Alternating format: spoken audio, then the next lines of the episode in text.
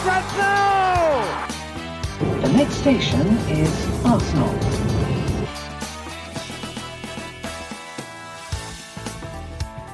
Yes, velkommen til episode tre av Arsenal Station. Vi sitter her søndag kveld, har dessverre akkurat gått på et uh, forsmedelig tap mot uh, Tottenham. Uh, vi må jo bruke mye av dagens sending til å snakke om det. Vi skal heldigvis også gjøre det noe lystig med, med prat om uh, andre temaer. Vi skal innom overgangsspalten vår, og vi skal selvfølgelig også få det store høydepunktet, som er Magnus sitt uh, tilbakeblikk. Gammel Arsenal-legende. Men som sagt, Magnus, hva sitter du igjen med nå? Ca. to timer etter kampslutt? Nei eh, Popper i popkorn og blander saft, og så får du den samme filmen, eh, samme søndagsfilmen som du har fått så mange ganger før. Du har eh, et, eh, et Arsenal som har såkalt steril ballbesittelse. eh, som straffes av eh, egne enkle feil i bakre rekker, og taper en, nok en kamp borte mot topp seks. Og det som verre er, borte mot et grått og ordinært eh, Tottenham-lag eh, leda av en eh, over the top Mourinho. Så min eh, knyttneve har eh, banket i bordet en del ganger, men begynner å roe meg litt. Så prøve å holde saklighetsnivået på et visst eh, nivå. Du er alene hjemme i kveld og har sånn sett hatt mulighet til å få ut alt av uh, guffe allerede. Vi prøver å, prøver å tømme oss ferdig nå, siste, siste rest i løpet av neste timen, halvannen. Men eh, nei, det er jo som du sier, den uh, Tottenham-utgaven vi spilte mot i dag, den var der for, uh, for the taking. Vi hadde jo alle muligheter, følte jeg i hvert fall, til å, til å ta den seieren. Og det er klart vi hadde noen marginer imot, uh, vi også, men mens steril ballbesittelse er vel rett og slett uh, oppsummerende. Det er på tvers, og det er på tvers. Og det er veldig mye unødvendig tilbake. Det er så forsiktig. Uh, det ser ut som vi har null selvtillit, og det syns jeg er litt vanskelig å forstå, med tanke på at vi har lagt bak oss tre relativt ålreite prestasjoner nå mot uh, andre, andre brukbare Premier League-lag. I hvert fall to av de. Så dette her var ekstremt skuffende. Og det er klart det er uh, natta til uh, alt som heter Europaliga-kvalikmuligheter i uh, Premier League, i hvert fall. vi kan vel sannsynligvis også begynne å se langt etter St. Totteringham's Day. Vi har jo ikke havna foran dem på tabellen siden 2016. Så dette her bare var en bekmørk søndagskveld. Det var et mageplask tilbake på, på landjorda. Og um, Mm. Det er vanskelig å, å skulle se fremover nå mot resten av sesongen og være positiv og tenke at vi har eh, noen muligheter. Europaliga-drømmen, eh, vi må jo kalle det det, Champions League-drømmen har vært død i lenge, egentlig siden oktober, skal man være helt ærlig. Eh, så det er en tung, tung kveld, men uh, vi må bare prøve å, å akseptere, akseptere at, uh, at Arteta ikke har det spillemateriellet som er nødvendig for å kunne, kunne virkelig prestere. Vi har eh, dessverre eh, også Når du snakker om eh, steril ballbesittelse og, på tvers osv., så, videre, så selv da så klarer vi å gjøre de store eh, blemmene. Jeg tenker at Hvis du spiller på høyere risiko, så er det liksom mer greit at du gjør en feil. da. At du slår mer lengderetningen og forsøker å, eh, å gå i strupen på en motstander. Men når du står og spiller ballen på tvers og bakover, og likevel klarer å spille ballen rett i beina på angrepsspillerne deres, eh, Ja. så, så blir det useriøst. da. Um, Nei, det er jo det som gjør det ekstra frustrerende for meg. Altså, vi har Kolasinac eh, har jo absolutt ingen gode, gode grunner til å spille den ballen tilbake. Han har en tierney på venstre side av seg som er helt, helt ledig. Eh, han velger Louise, som har sånn ikke altfor mange meter unna. Og da når den pasningen ikke er mer presis enn den er, så, så ender det opp sånn. Og det er så totalt unødvendig. Og jeg skjønner liksom om ja, som du sier, Hvis man prøver på noe som er eh, dristig og man dummer seg ut, så OK, da. Men dette er bare idiotisk. Og det er eh, åh, Vi har sett det flere ganger før. Og da handler det jo om at vi har spillere som ikke er sannsynligvis tøffe nok da, til å få dette her eh, til å, til å stemme mot eh, særlig topp seks-lagene, som vi da nok en gang eh, taper mot på bortebane. Ja, det er jo nå fem og et halvt år siden forrige gang vi vant borte mot topp seks-motstand. Det er vel Skal vi se hvor mange år det er siden vi vinner borte mot Tottenham. Det var det 2014, våren 2014, tror jeg. Den 1-0-seieren når Rositski satte inn den kanonen på White Hart Lane. Ja. Um, og det begynner på en måte å bli en gjennomgangsmelodi, det. Men vi har bytta trener to ganger. Det er ingen av de, de samme spillere Det er ikke de samme spillere som spiller lenger. og den kulturendringen som Arteta snakker mye om, den er akkurat påbegynt. Og den eh, er kanskje viktigere enn noe annet når vi skal uh, forsøke å, å, komme tilbake på et nivå som er akseptabelt for en klubb på størrelse med Arsenal. Og jeg, jeg, tror det er mye av det når du, når du har spillere som uh, gang på gang gjør de der store feila uh, i de store kampene. Så det handler mye om kultur. Det handler selvfølgelig om rekruttering òg, men det handler veldig mye om om klubbkultur her. Eh, det har, det har eh, infisert seg i veggene eh, på Emery Stadium, det greiene der. Det er blitt en del av Det var som Jamie Rednap, uten at jeg skal bruke han som altfor mye når det gjelder gode, gode Det er ikke noe sannhetsvitne alltid, han. Sa noe, han sa at det er i Arsenals uh, forsvar sitt DNA å gi motstanderen en sjanse. Og det er dessverre veldig sant. Hvis vi skal ta en kjapp gjennomgang eh, av kampen da, fra avspark til eh, slutt, så så vi jo noen eh, faresignaler eh, tidlig. Vi er ikke oppmerksomme, og vi slurver i et par situasjoner som vi slipper unna. Eh, det var vel Louise både én og to ganger som var, var noe uoppmerksom. Han, han, klarte seg i den situasjonen, og jeg vil ikke si at det var han som hadde hovedansvaret på baklengsmålet. Men han har selvfølgelig også, også, en historikk som gjør at det er veldig lett å, lett å, sette noe av skylden på hans konto. Eh, og det er jo et eller annet med den, den, usikkerheten. Altså, I hvert fall i mine øyne nå så sprer jo han eh, veldig lite trygghet. Det er en spiller bak der som jeg virkelig ønsker at ikke skal uh, ha ball i beina, omtrent. Eh, fordi jeg ser jo at han selvfølgelig en gang iblant kan finne på en, en fin crosspasning mot Abba, men det er så mye dilldall og det går så sakte. Så den usikkerheten jeg kjenner på, vil jeg også tro at noen av medspillerne tar og føler på litt. Ja, det er klart det. Når du, når du har en, en stoppertrio bak deg som har en tabbekvote som er så ekstrem, for det, det er den faktisk også.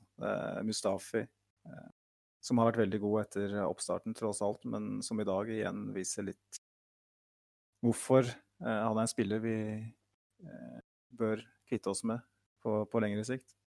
Han hadde vel en uh, OK førsteomgang i dag.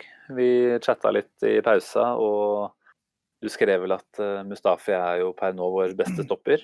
Og han beviste vel i andre omgangen at det sier veldig mye mer om alle stopperne i stallen vår enn det gjør om Mustafi. For den andre gangen hans i dag, det var så mye hodemist utover eh, med det der håpløse taklingsforsøket på Eller eh, hva heter det? Blokkeringsforsøket på Kane mot slutten av kampen i dag. Altså, det er rett og slett dumt å se. Ja, og når jeg skrev det til deg, så i, i pausa så handla det ikke om uh, å skryte om Mustafi. Det handla mer om å en reality check, reality check når det gjelder uh, de øvrige, øvrige stopperne våre. I hvert fall de som spiller, da. Så um, han, uh, han, han, fikk jo Harry Kane altså Mustafi har jo mer tempo enn ja, Han er vel kanskje den hurtigste stopperen vår, uten at jeg skal påstå noe. men han så jo, Harry Kane så ut som Usain Bolt eh, når de eh, hadde løpt, løpsduell og det skremmer meg litt. For Harry mm. Kane er ikke akkurat mm. Eh, lynhurtig lenger. Nei, han er seig bak. Så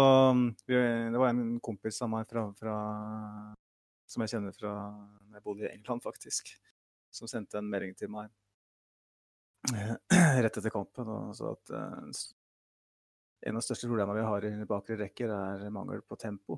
At, uh, OK, hvis du spiller på høy risiko, ikke at du gjorde det i dag, men og, og gjør feil, så mangler det en type som Colo Toré, som bare kunne løpe opp. Og det, det, ser du sånn som Ja, Korsielny for den saks skyld. Han også hadde jo hadde mye fart på, på sine gode dager. Det vil jo bli gjort, gjort feil når du står høyt med bekkerekka osv. Så, videre, så vil det bli gjort feil, men helt avgjørende at du har i hvert fall én spiller med tempo som kan, som kan hente inn en, en, en spiss. Spesielt en spiss som ikke har mer tempo enn Harry Kane. Men så ser du han, Mm. han bare drar seg forbi og, og legger Louise eh, bak seg på den måten. Det, det er jo skremmende. Hvis han er rask. Jeg blir eh, rett og slett redd eh, når eh, en eh, gjennomsnittlig, så, i hvert fall i fartsdisiplinen, Harry Kane eh, faktisk eh, framstår som han gjør. Eh, og det er klart det handler om noe med smartnessen i hvordan man beveger seg også. og det er klart eh, Rykke på riktig tidspunkt, så, så er mye gjort i forhold til å opparbeide seg et forsprang. Men eh, nei da, det, det var mye som ikke så bra ut. Men la oss ta et ørlite positivt glimt her da. Jeg syns jo vi må snakke om Lacassette som eh, Ja, jeg vil si at han hadde en ganske bra kamp eh, overall, egentlig. Hadde en del bra link-up-spill og, og kriga, opplevde jeg i hvert fall. Eh, Ja da.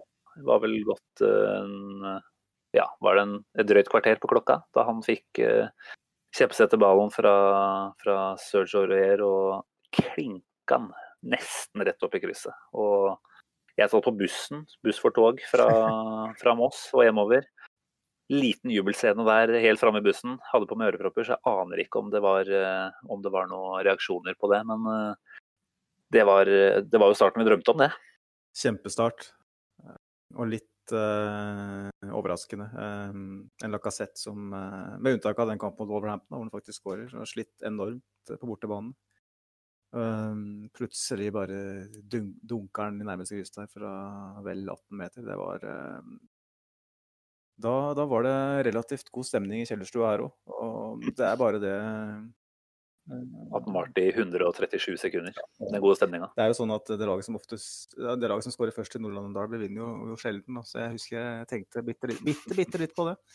Jeg tenkte at nei, altså det blir eh, statistikk. Det, det er til for å brytes. Og så går det da, som du sier, 137 sekunder, og så sitter vi der igjen. Men uh, Lacassette syns jeg har vært eh, positiv eh, et par kamper nå. Jeg syns han var eh, kontroversielt, kanskje. eh, en av de beste spillerne våre mot, mot eh, Leicester. Han bomma på et par sjanser som gjør at totalinntrykket drar noe ned. Men for en utrolig jobb han gjorde den i kampen. Han ga angrepet vårt struktur og spilte både Aubameyang og Saka mye, mye bedre. I dag så det var en litt annen type kamp, men jeg syns han absolutt klarte seg bra i, i første gang. Og i tillegg skåret et sånt mål, så gjør han sin del av jobben. Og eh, kan på ingen måte lastes for eh, sluttresultatet. Og sånn er det med å være veldig frustrerende å være angrepsspiller i, i Arsenal. Vi så jo Mm. f.eks. Aubameyang som skårer på brassespark mot Olympiakos i Europaligaen for noen måneder tilbake. ikke sant? Og det er 118 minutter eller sånn i andre ekstraomgang, og så presterer vi å slippe inn etter det. det er, sånn må jo Lacassette ha følt litt i dag òg. Han eh, drar fram noe helt spesielt. Og så går det 137 sekunder, og så er det en av de derre og jeg skal forsiktig nå, så jeg ikke drar i gang noe sånn rant. Men en av de, en av de som spiller i bakre ledd hos Arsenal, som, som drar fram noe som bare er Så det er så utrolig svakt at eh, jeg, forstår ikke at, eh, at, en, eh, at en spiller eh, på det nivået, helt uten press, eh. Klarer å slå den pasningen. Men uh, vi har vært der, så jeg skal ikke dra altfor langt. Nei. Uh, og så tenker jeg at vi, vi får se litt videre da, hva som skjer etterpå eh, i kampen. Altså vi Andre halvdel av, av første omgang var litt sånn av og på for min del. Fortsatt på bussen, så jeg skal ikke si at jeg, jeg klarte å følge med hele veien der.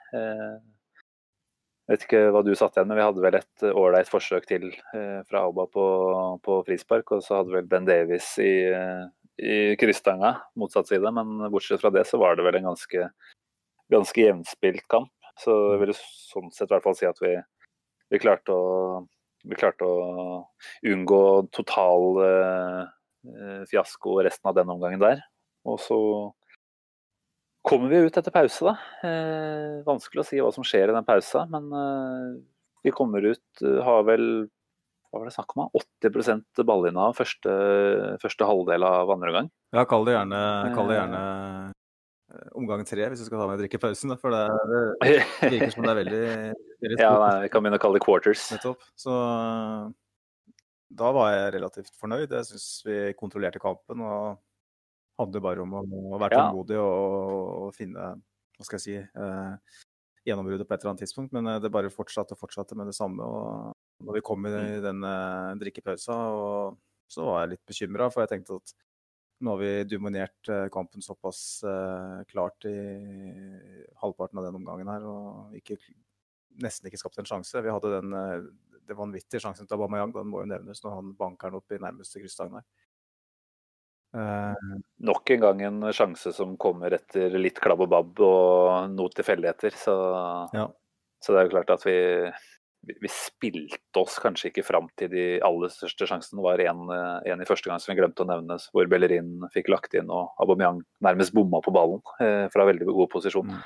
Men utover det så var det jo en, en kamp som var prega av masse personlige feil og, og sjanser som oppsto som følge av det. da. Ja, det var jo eh, Så nå skal jeg ikke prøve å dra klokka tilbake for mye, men vi hadde jo eh, Den starten vi hadde på kampen, så var det jo en tre-fire feil som fort kunne ført tilbakelengs. Så jeg tenker hadde vi spilt mot et Liverpool eller et City da, så kunne vi ha vært 3-0 bak etter en halvtime der. Um, så vi møtte Ja, Flaks ikke flaks ikke skal spille mot Liv på en stund, da. Nei, faen, vent. Det, det var de to neste kampene. det. Stemmer det. Så den uh... Mer om det senere. Jeg kan ha en ny episode om det. Nei. Nei, vi, og jeg vil jo tro at uh, det var uh, en Mourinho på motstanderbenken der som ikke var veldig veldig bekymra for at vi hadde ballen så mye som vi hadde i andre omgang. Jeg tror han, eh, han er ganske komfortabel. Han er jo en slu rev som, som vet hvordan han vil framstå. Han vet at det skaper frustrasjon for et lag som har så mye ball og ikke klarer å få noe gjennombrudd òg. Så så jeg tror dessverre at han Selvfølgelig, litt flyt hadde de, og så klarte de å stikke på riktig tidspunkt. eh, Hvis vi skal hoppe fram til, eh, til eh, det som ble vårt, vårt nakkeskudd. Det er vel en foranledning hvor, hvor vi gir bort en ganske unødvendig corner. Med tanke på jeg tror det er Mustafi som igjen surrer litt.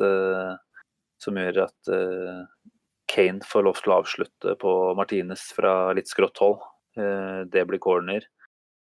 Corneren eh, er vel sånn som legger på huet til Alder Weireld, som knuser Tini, dessverre, i duell. Og da, da var det gjort. Da var det gjort.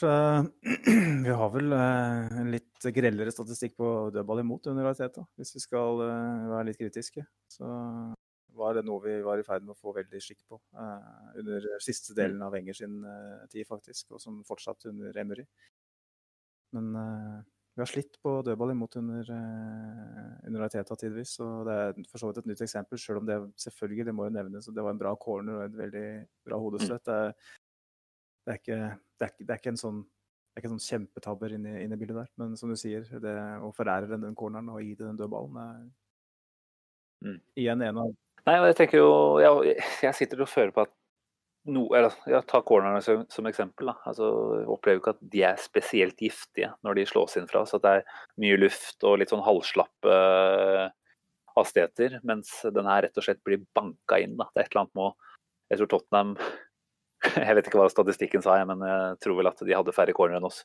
Eh, og jeg tenker jo at de, de tar litt mer eh, for seg. De ser at vi har kanskje ikke så mange muligheter til å, til å dunke inn eh, mål fra hjørnespark. Og da, da legges alt i, i den potten når det, når det skal slås inn der, da.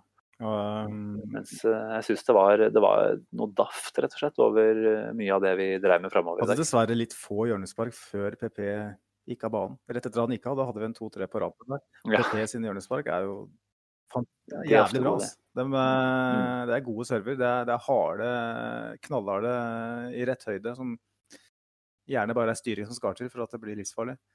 Um, Mens eh, når Ceballos og T- Saka var det vel begynte å slå, så var det som du sier, veldig mye luft under, og det var ikke nærheten av å være farlig. Det ble heller kontring imot. Ja, det ble mye surr. Eh, Vi må ta med et lite innspill fra Stian Nedresgaard, som skrev på Facebook eh, under, eh, under Facebook-sida vår, Arsenal Station. Eh, Han skriver vi mangler selvtillit og tro. Altfor mye bakover og på tvers. Hvorfor utfordrer vi ikke to bekker med gule kort? Konklusjon mye talent. Mangler smartness fotballintelligens.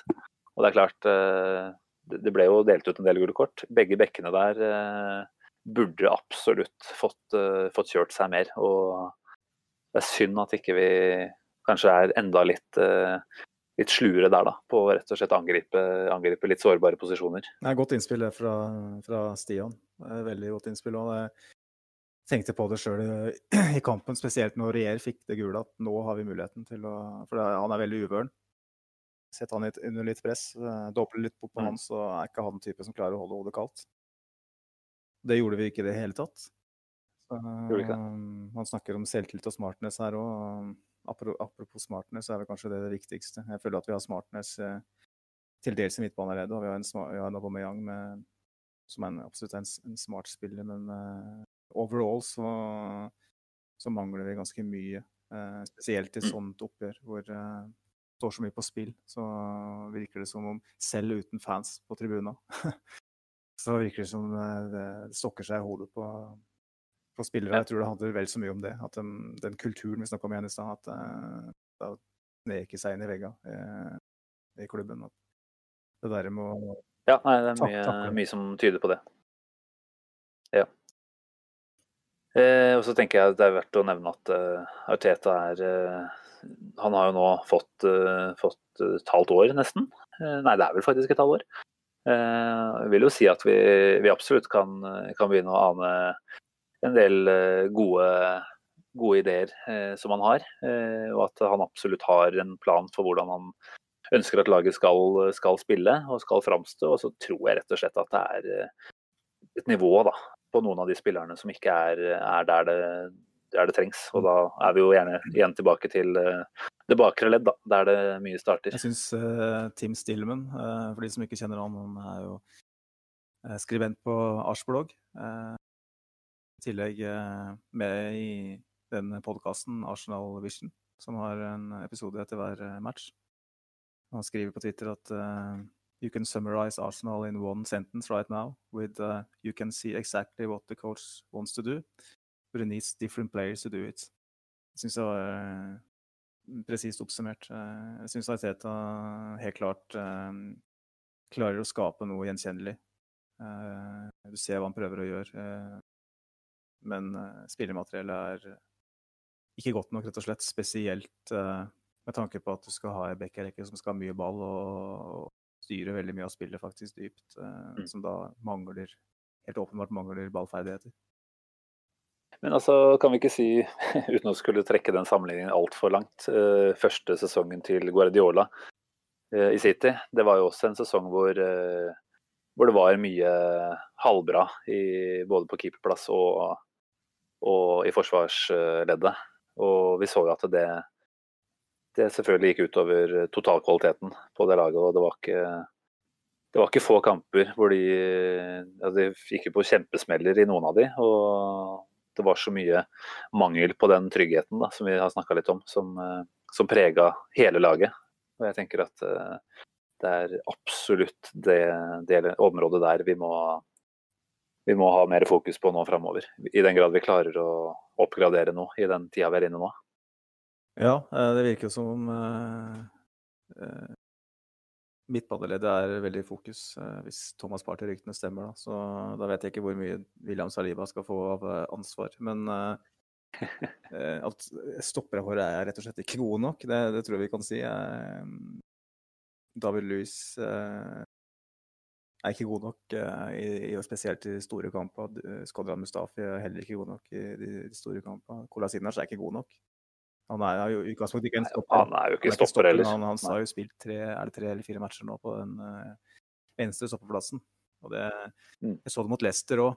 Uh, eh, da spilte han ganske OK kamp defensivt, men det var et par ganger der hvor han uh, plutselig fikk litt rom foran seg og skulle slå en pasning offensivt, og det var jo helt sjanseløst. Bare ga, rett og slett bare ga bort ballen og en ny bølge med Leicester-angrep, ikke sant. Og um, Rob Holding, til tross for en god opptreden mot var det Southampton? I FA Nei, det var vel i ligakamp, forresten. Sorry. Vel, stemmer. Eh, hvor han var god. og Etter det så har vi nesten ikke sett den. Sokratis eh, åpenbart en spiller som Arteta ikke foretrekker, og som heller for så vidt ikke passer inn i den måten å spille på. Så jeg kan på en måte se det. Men eh, når du ser hva som spiller, så ja. Eh, utover det, hva, vane er det egentlig? Eh, vi har vi, får inn Saliva, men jeg tror vi trenger i alle fall en til. Eh, vi skal ha noe, noe mulighet til å eh, kunne kalle et forsvar stabilt. For det. Jeg føler vi har sett, det flere ganger nå. Så, såpass, nei, så, sett over såpass lang tid nå med en del av, del av spillere at det uh, er vanskelig ja. å tro på at det skal bli noe særlig bedre. City kunne kjøpe seg både bekker og stoppere til 50-60-70 millioner pund. Uh, vi kan nok se langt etter den løsninga der. Det blir ikke en quick fix, uh, er jeg redd, i løpet av den veldig veldig korte mellomsesongen vi snart går inn i. Så vi må nok eh, innstille oss på flere grå hår fra nevnte herremenn. Eh, og så kan vi håpe på kanskje en party inn da, som kan bidra til enda litt mer soliditet i, i midtbaneleddet. Eh, ja. Jeg vet ikke om vi, om vi, skal gå noe nærmere inn på han. Vi, vi, har jo fått et spørsmål som vi for så vidt kan ta med her. Det er fra Erik Bø. Eh, som lurer på, eller som sier selv, eh, noe positivt etter selv dagens kamp er at Chaka og Ceballos igjen styrer midtbanen, og de ser ut til å være en god duo som utfyller hverandre. Men nå som Thomas Party trolig er på vei inn, hvor får han plass? Hvem ryker av de? Er det erstatter av Ceballos, og hvordan påvirker dette framtiden til Torreira? Eh, vi kan jo ta luke Torreira litt ut til sida. Thomas Party har vært uh, rykta mye inn. vi, vi gir ikke altfor mye plass til overgangsrykter akkurat nå, men la oss si da at eh, Thomas Party kommer inn og, og, blir en del av troppen foran neste sesong. Eh, får han plass eh, sammen med Eller hvordan ser midtbanen ut da, rett og slett? Er det Sjaka eller er det Ceballos som, som, står ved siden av han, eller er det begge? Det kommer helt an på hvordan han komponerer Forsvaret. Jeg tror jo et ETA på sikt kommer til å satse på å ha to stoppere. Men at i mangel på gode alternativer og et vaklende forsvar generelt, så kjører han tre for å få litt mer soliditet. Han sa jo sjøl òg denne uka her at eh, han, han, bygger, han bygger defensive fundamentet først. Eh, det er det viktigste for å kunne skape en plattform. Og sånn sett så tipper jeg at det er plass til både Party og Ceballos og Sjaka på, på midtbanen neste sesong. Så, jeg også tror jo at en 4-3-3 er dit han eh, vil. Og igjen, vi får jo se hvor langt han kommer med de stopperne han har nå. Om det er om det er noe som innbyr til to, to stoppere. Men, eh, men, med en, eh, en part inn som fortsatt er den store, våte drømmen, så, så tror jeg det ville vært med på å, å bygge opp en, en, mur foran der som gjør at man kanskje får eh, enda litt færre stygge situasjoner med, med de aller bakerste. Ja, det er jo et godt poeng det med at det faktisk er litt positivitet i, i, det med, med Ceballos og, og Sjaka Syns jo eh, Sjaka mm. har vært eh, bra egentlig hele veien etter at Arteta har kommet tilbake. Og etter eh, oppstarten så har Ceballos kanskje vært vår beste spiller totalt sett. Han, synes han, I dag syns han var veldig god igjen. Mm. Eh, men kanskje det Ja, det vi snakket om i stad, at eh, det absolutt ikke kommer noe trygghetsfølelse når uh, David uh, har ballen i beina, så er det klart at Ceballos gir jo noen Casorla-assosiasjoner med den nærteknikken og vendingene og pådragene. Og drar jo ballen med seg forbi et pressledd eh, flere ganger i dag også. Og det er klart han er en, eh, en ballvirtuos som, eh, som, vi er veldig avhengig av. For det, det er høyt stressnivå på, på, mange av disse spillerne når de har ball i beina. Og der har du det totalt motsatte, da. Så gikk det ikke alltid bra i dag heller. Det er klart han mister den ballen noen ganger, som, som jo kanskje er å forvente. Men at vi har, har, en sånn type i laget, det, det, tror jeg er kjempeviktig. Og jeg håper virkelig at han, at han, blir å finne her neste sesong også. Ja, eh, det er klart. Eh, igjen uten å gå veldig inn på overganger før eh, overgangsspalten, så er du en spiller som har, allerede har hatt tilvenningssesongen sin i Premier League. Han er integrert i klubben, integrert i laget, integrert i liga.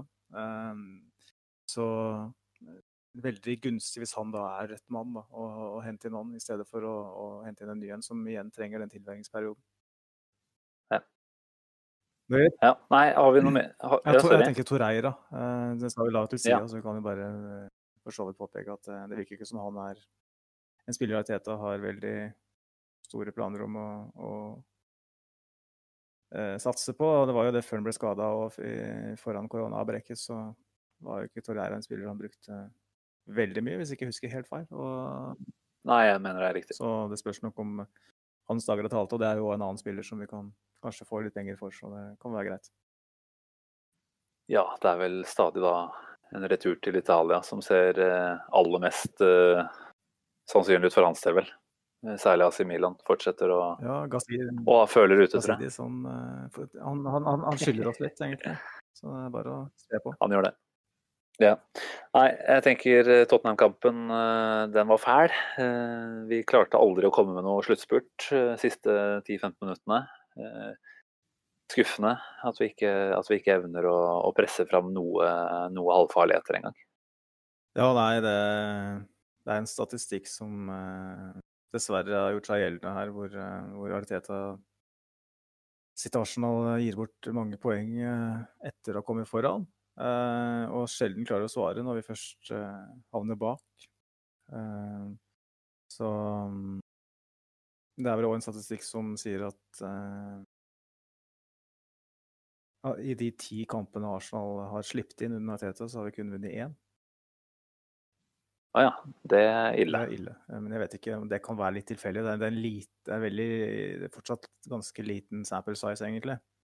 Så mm. ti kamper er ikke, er ikke all verden, men uh, og det er Nei da, vi skal ikke trekke konklusjoner etter, etter det Arteta har fått, uh, fått, av tid til nå. Altså, det har vært så mye rart og mye forskjellig uh, av ytteromstendigheter også der. Så, så, han skal selvfølgelig få hele neste sesong, gjerne, før vi begynner å virkelig, uh, virkelig trekke konklusjoner. Men det er litt bekymringsverdig, den trenden, da. Det må vi kunne si. Mm. Det er jo to uker siden sist vi var på lufta. Spilt tre matcher mellom der. Eh, det gikk for så vidt bra. Det vi ikke har vært veldig fornøyd med og veldig imponert over i løpet av de kampene, er jo hvordan VAR har blitt brukt. Ja. Eh, vi hadde Ja, du har jo allerede vært inne på det litt, litt eh, off-air tidligere her i dag, med hvordan dette rett og slett er Det virker helt tilfeldig fra runde til runde. Vi hadde en Nketia som ble utvist som for så vidt eh, ved første øyekast var en veldig grei avgjørelse. Du hadde andre, tredje, andre, tredje eh. fjerde øyekast òg, bare for å si det. Nei da, jeg tenker at det var en god avgjørelse. Og så gikk det vel da et døgn. James Tarkovsky mot uh, Var det en Westham-spiller? Husker ikke hvem de spilte mot. Westham, ja. Veldig, veldig påfallende lik situasjon, egentlig. Uh, styggere i mine øyne. Hva ble utfallet der, da? Gult. Gult kort. Ingen varsjekk, uh, rett og slett. Uh, skremmende at, eh, at, det går an. To så identiske situasjoner over to dager kan ende med ulikt utfall. Og når det snakker om et direkte rødt kort, har det veldig store konsekvenser for et lag. Et gult kort kan du alltids leve med. Så det, det skaper på en måte en, en enorm forskjell. Og jeg forstår ikke helt hva det er de holder på med. Den der, eh, jeg vet ikke om de sitter, de sitter ikke i buss lenger, kanskje, men de sitter vel i et lokale med skjermer. Ja. Eh, Nei, det er endringer fra uke til uke, og det blir, det blir tatt helt uh, påfallende idiotiske avgjørelser som ikke blir retta på. Er, så enkelt er det med VAR. Det skal rette opp i åpenbare feil, og det blir altfor ofte ikke gjort. Nå har vi snakka om to taklinger. Så så vi Brune Fernandes eh, som da Zidane-finta seg inn i en forsvarsspiller. Tråkka han på skinnleggen. Om det skulle vært noe der, så kunne vi jo heller argumentert nesten for kort til eh, Fernandes. Han fikk straffe. Altså, han eh, ikke bare stempler Konsa, Gonza, Villa-spilleren. Han kaster seg i tillegg som om han skulle ha blitt skutt med sniper, av sniper. Og sånn I prinsippet så kan du argumentere med at, at Fernandes burde blitt utvist. Det er to gult kort-forseelser der i en situasjon. Og så får de straffespark i en kamp hvor Villa faktisk eh, Et Villa i poengene, et Villa mm. på, som er i ferd med å rykke ned fra Premier League. Um, da rett, rett, og slett har vært bedre enn nesten United i innledningen der. Og så får de den der og ødelegger hele kampforløpet for det. Og så i dag så jeg Villa, eller deler av Villa mot uh, Paras. Hvor Villa vant, faktisk. Uh, utrolig nok. uh, det er det.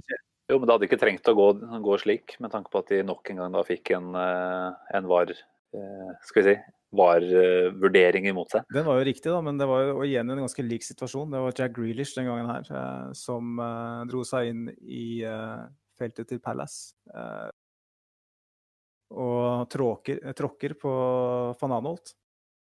Blir dømt straffespark. I første øyekast så, så det riktig ut, men ved repriser så ser du at, igjen at det er faktisk da er Grealish som tråkker på van Anholt. Og den blir da tilbakevist da VAR.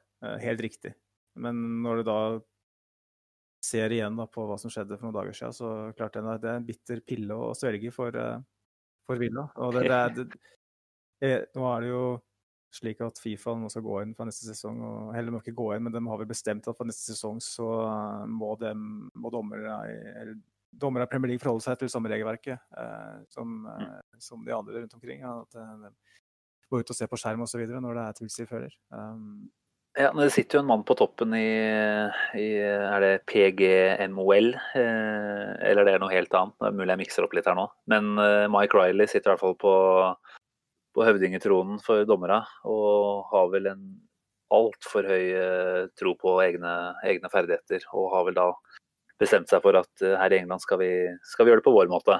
Eh, og det ser vi jo da mange eksempler på at det er helt uh, hårreisende. En mann helt som utrolig.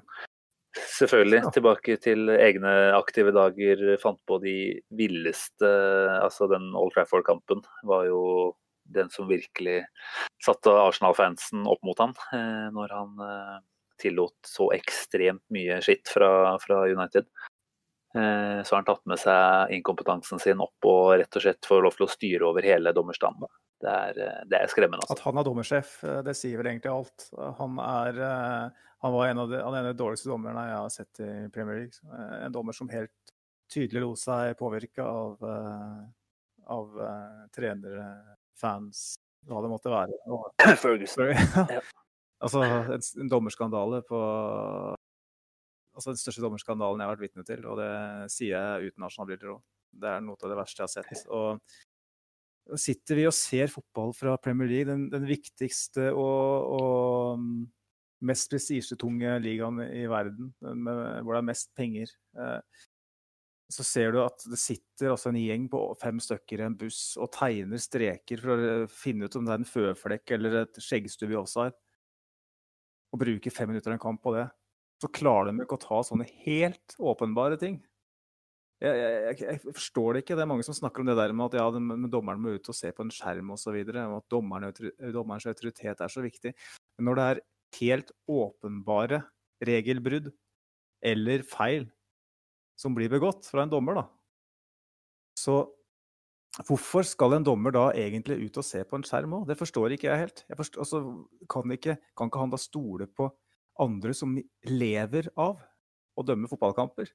Bør ikke, Hvis det er en helt åpenbar situasjon, bør ikke den da klare å ta den avgjørelsen? Bør ikke da dommeren klare å stole på den avgjørelsen?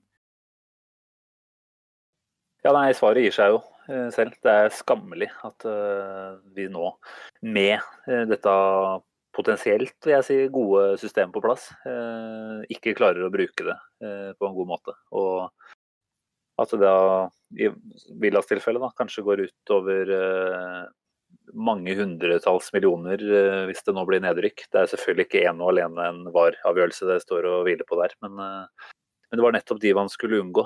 De gigablemmene som kan bli, kan bli milliardavgjørende.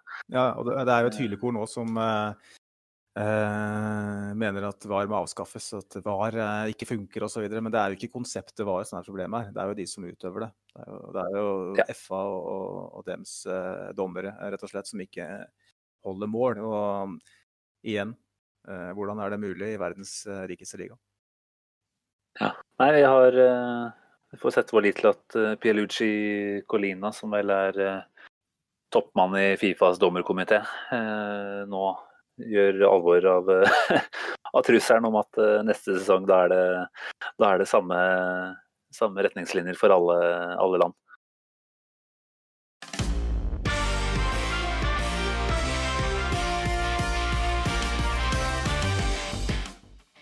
Skal vi videre til eh, overgangsspalten? Vi, vi prøver oss på et par, eh, et par spillerspekulasjoner. og Vi må vel nesten starte med Dani Ceballos, da, som vi var eh, innom her i stad. Vi har vel nå blitt veldig glad i han, både du og jeg, og sannsynligvis mange andre Arsenal-fans òg. Arteta var ute og bekrefta interesse noen dager siden. Sa at klubbene, altså Arsenal og Real Madrid, snakker sammen. Eh, Det er helt tydelig at Arteta har trykket han til sitt bryst etter en litt eh, brokete start, hvor han fikk eh, kritikk for dårlig treningsinnsats. Han har virkelig tatt den utfordringa der, Dan Ceballos, og framstår nå som en veldig viktig mann i, i måten Arteta vil spille fotball på. Håper vi, eller det gjør vi nå. Har vi troa på at han, han er Arsenal-spiller neste sesong, eller? Jeg tror iallfall at Ceballos er i Arsenal neste sesong. Eh, Det er lite som tyder på at Real Madrid kommer til å bruke den, ettersom at Zidane kommer sannsynligvis til å være der. De er vel i ferd med å, å vinne ligaen i, i Spania. Så mm, eh, at det blir et nytt lån, det ser jeg ikke på som usannsynlig. Så kommer det litt an på hva slags summer vi snakker om for en permanent overgang. Da. Men at han er her neste sesong, det tror jeg er veldig god sjanse for. Ja, nei, jeg også tenker jo at vi har eh, gode kort på hånda, tror jeg. Du har helt rett i at han og Zidane ikke er bestiser, og at eh, han selv vel har sagt at han ikke har noen planer om å spille for Real så lenge han er trener. Jeg vet ikke om han har sagt det akkurat i de ordelagene der, men uansett, han, eh, han eh, vil nok ikke få plass på den midtbanen uansett, og har en kontrakt som går til 2023, så Real Madrid kan absolutt ta seg råd til å låne han ut også neste sesong, muligens med en opsjon innbakt i kontrakten. Eh, vi vet jo også litt mer om økonomiske landskapet, kanskje, til, eh, i løpet av de neste, de neste ukene og månedene. Når vi får, eh, får noe mer planer for, for tilskuer eventuell tilbakekomst. Så det blir spennende å se hva, hva som skjer der. Jeg tenker jo at han, som vi var inne på i stad, ville kunne utgjort en ganske fin midtbanetrio med, med Party og Chaka. Det er potensial der også, absolutt. Så vi setter jo karakter fra 1 til 10, var det ikke det? Så jeg vil gå så høyt som 8 på sannsynligheten for å ta meg her Det-. Wow, dette ligner jo ikke deg. Men det er igjen, da. eh, Faktum at han er i Arsenal i sesong. At han er Arsenal-spiller i sesong, det, det har jeg ikke lyst til å spekulere i. Nei, jeg tenker at jeg er for så vidt fornøyd om han er, eh, er i Arsenal, om det er lån eller kjøp, jeg også. Så jeg går nok ikke noe lavere enn deg der. Eh, kanskje jeg til og med skal øke deg med én, høyne deg med én, og gå til ni av ti. Du må jo være mer, Arteta- jo være mer positiv Art- Rett og slett. Jeg tenker vi har fått, uh, fått hver vår rolle her nå. Så i dette forholdet er det jeg som står for meste av optimismen. Men nå, nå syns jeg vi nærmer oss noe for din del òg.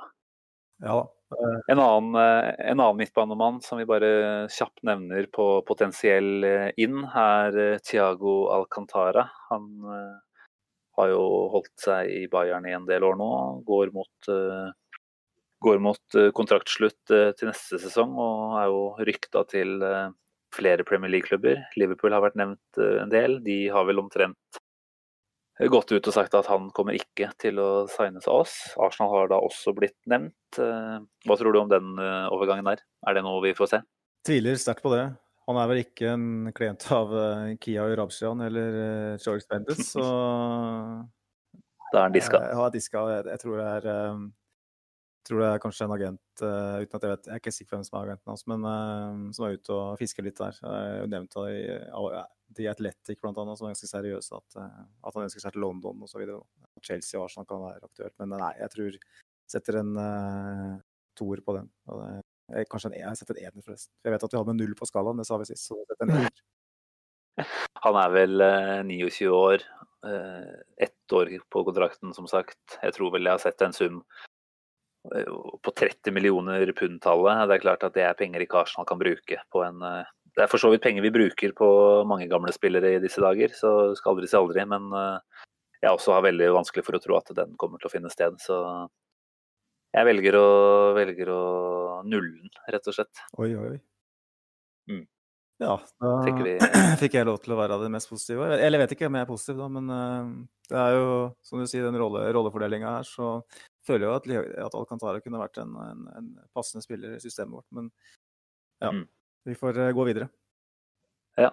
Nei, vi har et par eh, navn på ut-spalten også. Eh, Hector Beirin har jo nå siste dager både blitt kobla til Bayern München av tyske Sky og til PSG av er det Le Ti Sport. Der er jeg sikkert ikke i nærheten, men, men høyrebekken vår som faktisk så ganske sprek ut i dag mot Tottenham, men har vil jeg si tapt seg et par hakk eh, fra sine glansdager, som han oppnådde ganske tidlig. Eh, er det en mann vi, vi risikerer å miste, tror du? Det er ikke helt utenkelig. Ifølge den Sky-saken så hadde vel Beirin selv ytra et ønske om å komme seg til en annen klubb. hvorvidt det er noe hold i det. men han Vi har jo henta Cedric på ikke mindre enn fire års kontrakt. Uh, og Maitland Niles er jo fortsatt i klubben og har ytra et ønske om å spille høyreback. Han har gjort seg tilgjengelig for å spille høyreback.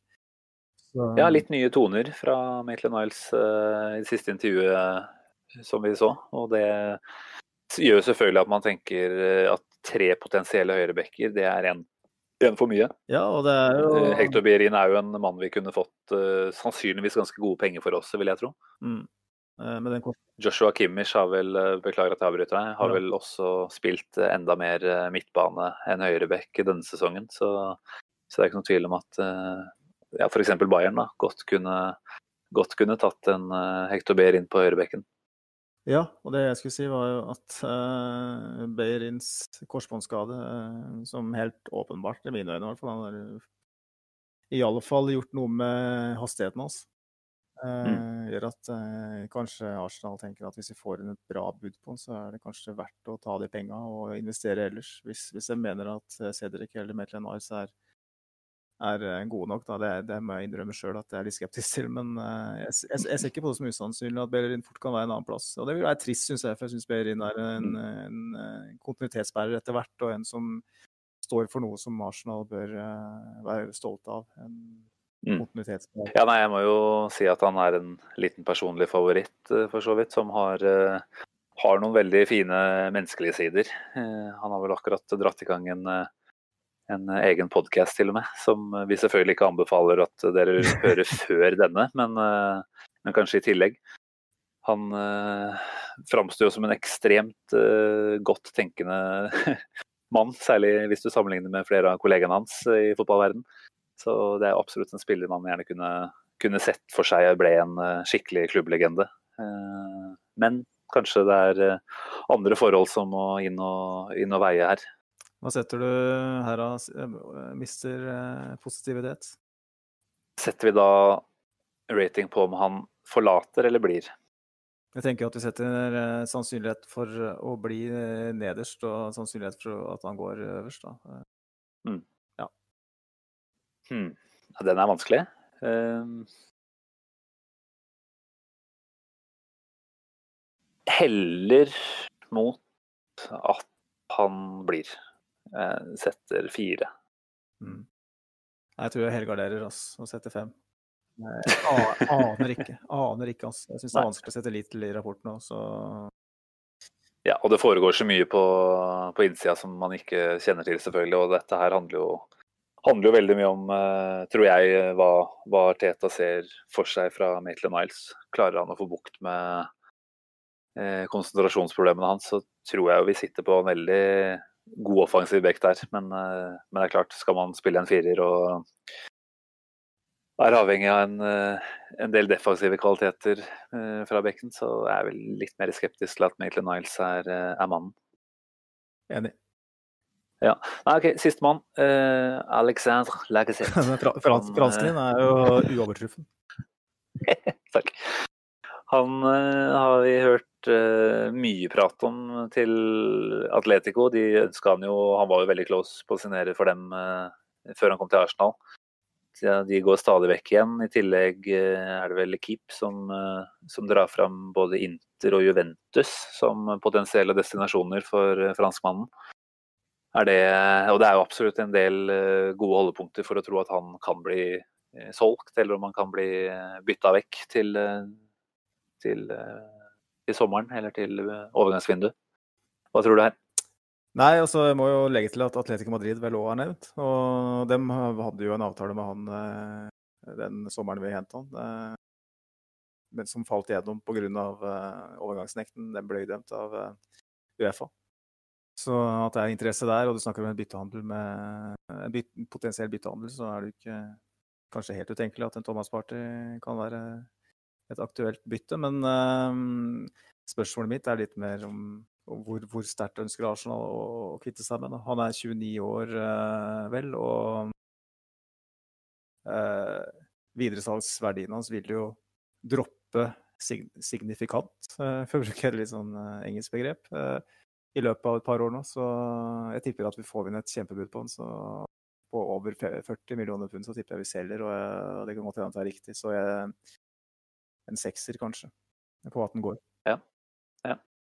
Ja, nei, jeg tenker jo at vi fikk jo i dag se mange av hans gode sider, eh, som gjør at man tenker at det er en, det er en uh, type vi, vi, fint kunne hatt uh, nytte av uh, framover. Men det har vært lenge mellom, mellom de gode dagene for Lacassette, så jeg må jo nesten si at jeg tror, tror vi er tjent med å, å, sende han videre hvis vi får et godt bud, og heller, heller investere de andre. Så en sekser eh, kan jeg i hvert fall støtte deg på. Jeg kan til og med høyne deg med en. Jeg tror vi, tror vi Han er en av få eh, assets som vi sannsynligvis ser at det er realistisk at vi både kan klare oss uten, og som vi kan få brukbare penger for. Mm. Men det, det mm. spørsmålet mm. melder seg jo, syns jeg. Det her blir jo igjen litt off uh, topic når det gjelder overganger. Men jeg tror ikke at Aubameyang eh, er en type spiller som vil trives eller lykkes veldig godt hvis han skal spille, spille den rollen, den spissrollen på den måten som Lacassette og Nketi har gjort nå. Jeg tipper at Aubameyang kommer til å spille på den venstre sida uansett, hvis han, han er av råd, det vet vi jo ikke.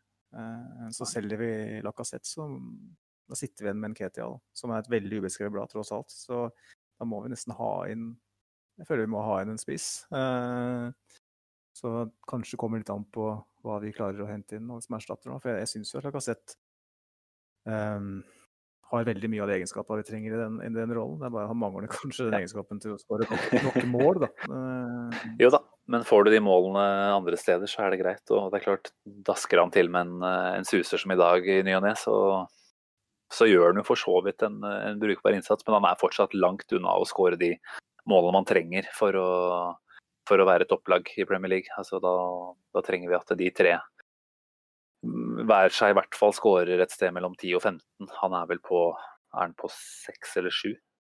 Godt spørsmål. Uh, det er ja. ikke noe særlig mørkt, nei. nei. nei, men vi Jeg skal bare ta en kjapp, kjapp oppdatering på Gundosio. Vi har jo vært inne på han på denne overgangsspalten tidligere.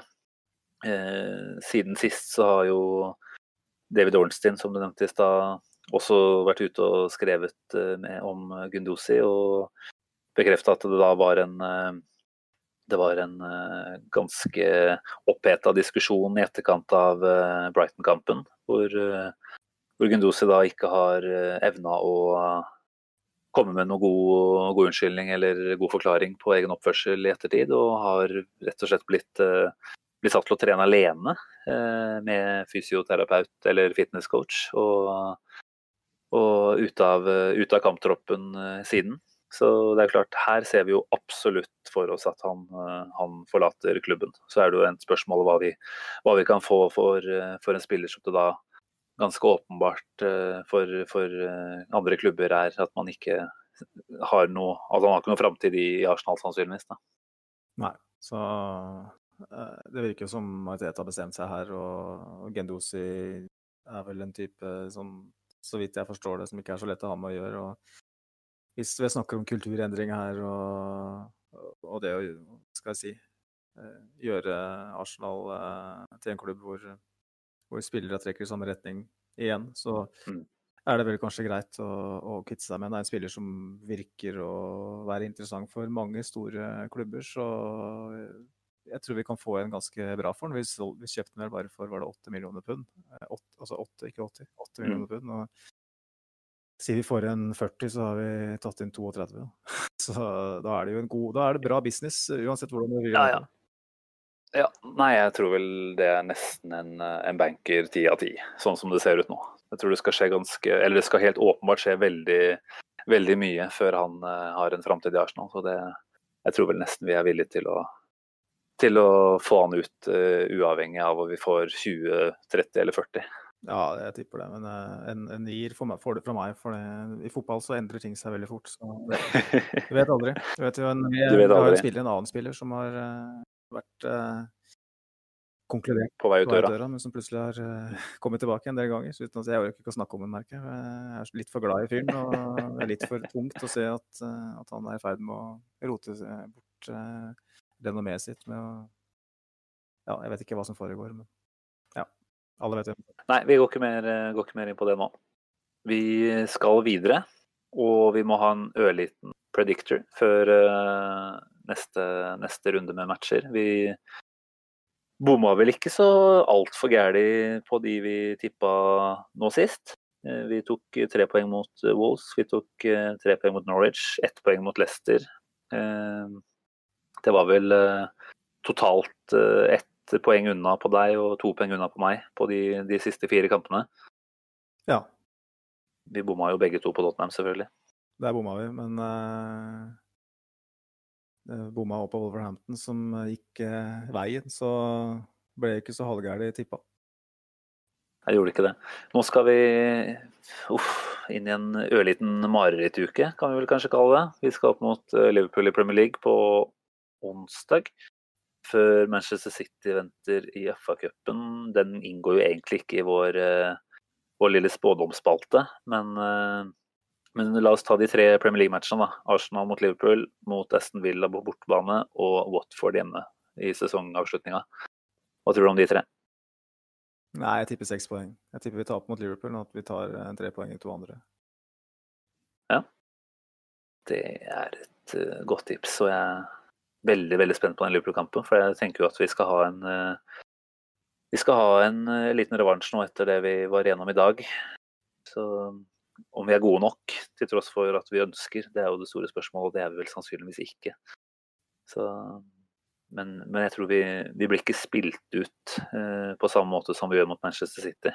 Så jeg, jeg har eh, faktisk bare for å overgå deg litt, så tipper jeg et poeng mot Liverpool. Sånn at vi sitter igjen med sju av eh, sju av ni poeng på de tre siste. Det er veldig optimistisk, vil jeg si. Eh, Ja, det er jo De skal jo slå Villa Watford, da, selvfølgelig, men eh, jeg bare Villa trenger poeng, kanskje.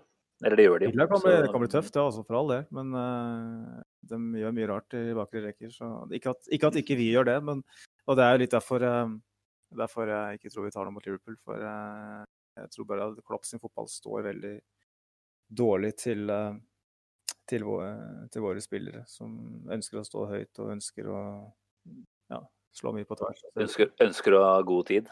Og der eh, kommer de vepsa der, ikke sant, som bare bøsser inn og vinner ball. Og personlig feil straffer seg ekstremt eh, mye da, mot, mot et Liverpool. Så der eh, Jeg tror ikke vi skal tro at midtuka blir så veldig mye enklere å forholde seg til enn det er. Det jo det, det er Vi får bare vi får bare se på det her som eh, eh, litt preseason foran neste sesong, for nå har vi ikke noe å spille for i ligaen uansett. så Nei.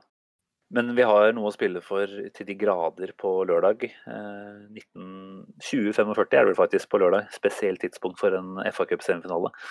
Men eh, Manchester City eh, Det er vanskelig å se at vi skal, eh, skal kunne opp og, opp og nikke mot eh, Guardiolas menn etter det, vi, etter det vi så bare for noen uker tilbake. Men OK, de vant FA-cupen i fjor for så vidt litt ferdig med det, kanskje, kan vi håpe. Skal etter hvert begynne å vende fokus mot eh, Champions League-sluttspillet, som det nå er bestemt at skal finne sted i Lisboa. Går det an å håpe på en eh, skrell der? Det er jo på Wembley, nøytral grunn eh, osv. Um, noe vi har god erfaring med fra tidligere. Eh, åpenbart ikke favoritter mot en Guardiola som er en perfeksjonist som prøver å vinne alt er uansett. Så um, faktum at det er cup og at det er nøytral grunn, gjør at det kanskje har en ørliten sjanse, men jeg tipper 90-10 fordel, fordel City. Så Ja, det er eh, siste, siste sjanse for eh, europadeltakelse til neste år, eh, etter alle solmerker. Åh, det hadde smakt veldig godt med en ny finale. Det er vel i månedsskiftet. 1. august. Så 1. august er det. Nei, vi har vel ikke kjempetrua. Jeg høyner deg med, med 5 og sier at vi, vi har 15% sjanse til seier der. Vet ikke hva oddsselskapene sier, om de er enige der. Jeg har ikke sjekka, men uh, City er nok ganske klart favoritter, ja. ja. Sånn er det.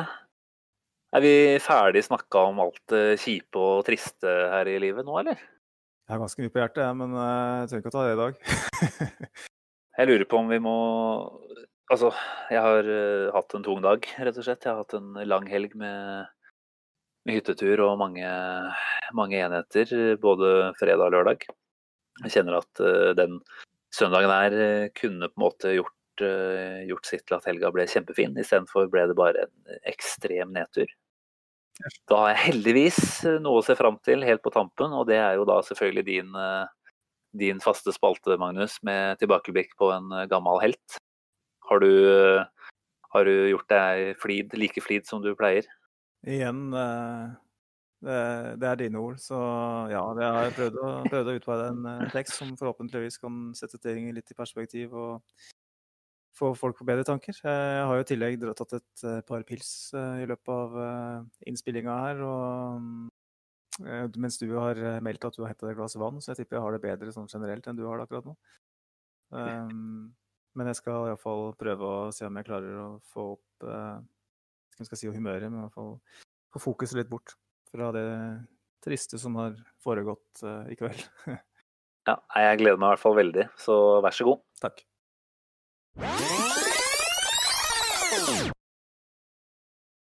Det var en tid hvor overgangsrykter kom i trykka form, jeg blekket i postkassa.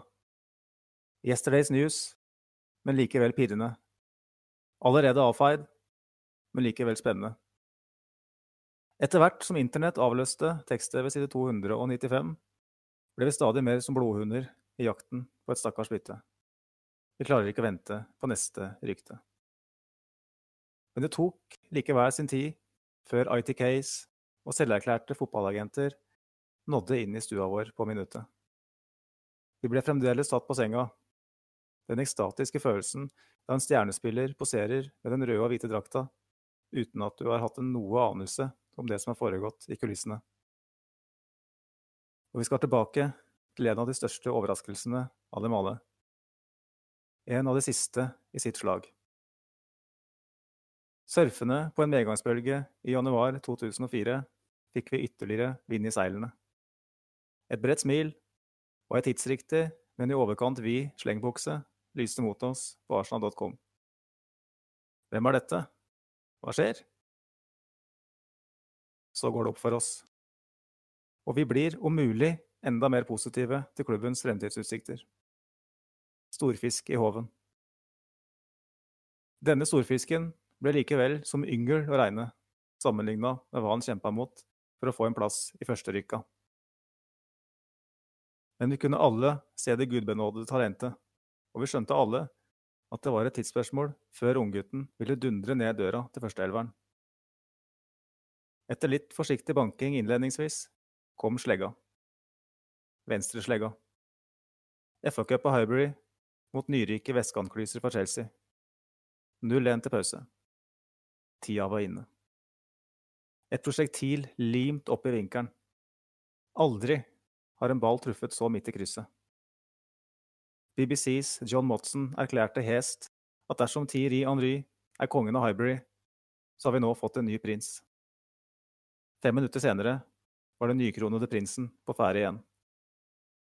En flappede John Kerry i garnet og en frekk chip over Cudicini. Euforia. Arsenal fremdeles storbror i London. Shit got no history. You name it. Tronarvingen viste gode takter gjennom våren, og bidro til at Arsenal greide den unike bragden ved å vinne ligaen uten å gå på et eneste nederlag. Prince, Invincible. For en start. Starten på den påfølgende sesongen starta like fryktinngytende. Vår kanskje beste spiller de første par månedene av høstsesongen 2004. Eksplosiv, men kattemyk. Teknisk ellevill og god med begge slegger. Snart blir han konge, tenkte vi. Men så kom sir Alex. Så kom Neville-brødrene. Og så kom Mike Riley. For andre gang i sin korte tid i Nord-London ble vår mann utsatt for gjengvold fra Uniteds beinbrekere. En monolog i dommergarderoben fra Fergie, med en vettskremt Riley som tilhører, var nok. Arsenals gullgutt var fritt vilt. En skandaløs affære som ikke bare endte Arsenals historiske resultatrekke, men som også på mange måter endte vår manns signingsferd med kanonen på brystet. Man kan nok, med rette, argumentere med at han kunne vært sterkere. Men med allerede sterk hjemlengsel ble det for mye for den smilende gutten med slengbuksa. Han fant seg aldri ordentlig til rette i London, og ville hjem til Spania. Sommeren 2006, da vi vinka farvel både til Bergkamp, Pires og Hybrid, vinka vi også farvel til han som skulle lede oss inn i framtida. Dog bare på lån, men han forsvant permanent sommeren 2007 og spilte aldri for Arsenal igjen. Så Tolv år senere, i juni 2019, kom sjokkbeskjeden. En av våre Invincibles, prinsen av Highbury, er død. Drept i ei bilulykke i Spania. Enda verre, og mye viktigere, en elsket familiefar revet bort fra sine kjære så altfor tidlig. En ufattelig tragedie. Det gjør nå godt å vite at han fikk returnere hjem til Spania i 2006, der han i sitt altfor korte liv fikk tilbringe tiden der han trivdes best, med de han var aller mest glad i. Hans navn vil uansett alltid stå med gullskrift i Arsenals tradisjonstunge historiebøker. Supersigneringen, prinsen, Invincible. Måtte du hvile i fred, Jose Antonio Reyes. Ja, hvil i fred, HC, eh, sier jeg. Jeg, eh, jeg sitter og korser, eh, korser, opp i taket her. Ja. Um... Det er fortsatt en sjokkarta følelse når du kommer inn på at han faktisk ikke er her lenger. Og må jo sånn sett si at dette nesten bare gjorde søndagskvelden enda litt tristere. Men men hvis vi skal snakke om fotballspilleren først, så var det jo en fantastisk venstrefot. Og måten han introduserte seg på Hybrid på like etter overgangen, da, da var det virkelig tro på en, en stor, stor Arsenal-framtid. Det, det, kunne det nok også ha blitt om han hadde Ja, jeg vet ikke. Kanskje også blitt tatt litt bedre imot i London. Jeg er litt usikker på hvor stor skal vi si, del av blamen Thierry Henry skal få, men det var, en, eh, det var vel noe snakk om at han var noe vanskelig overfor eh, lille José? Ja, det, det, spekuleres veldig mye i det, ja. Eh, Henri var jo stor personlighet som eh, kanskje da sett oss som i managersammenheng eh, eh, kan være litt krevende. Og hvis han var litt forsiktig og kom inn der og liksom skulle komme og, og klø dem. Så jeg vet ikke, men uh, det var Nei, det var uansett ikke det vi trengte å, trengte å fokusere mest på. Men en veldig fin, uh, et fint tilbakeblikk, uh, Magnus.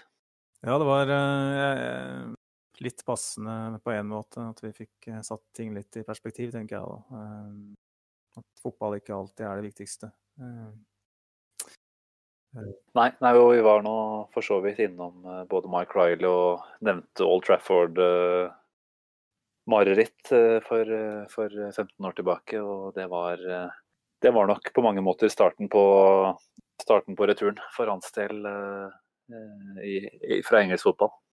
Ja, han hadde jo den kampen i semifinalen i, på våren i 2004 òg, og vi tapte 1-0 på Jeg er ikke hvor den kampen gikk, var Millennium Stadium sikkert. Um, hvorvidt de kampene faktisk gikk på, på finalegrunn på den tida, men um, det var jo en skandale. Hvor Paul Scholes uh, blant annet husker jeg sparka Trent Reyes ut av tribuna der. Så det var trist, men um, uh, til syvende og sist så var vel Reis kanskje mest lykkelig i Spania. Da er det fint at han fikk lov til å tilbringe det korte livet sitt da, der.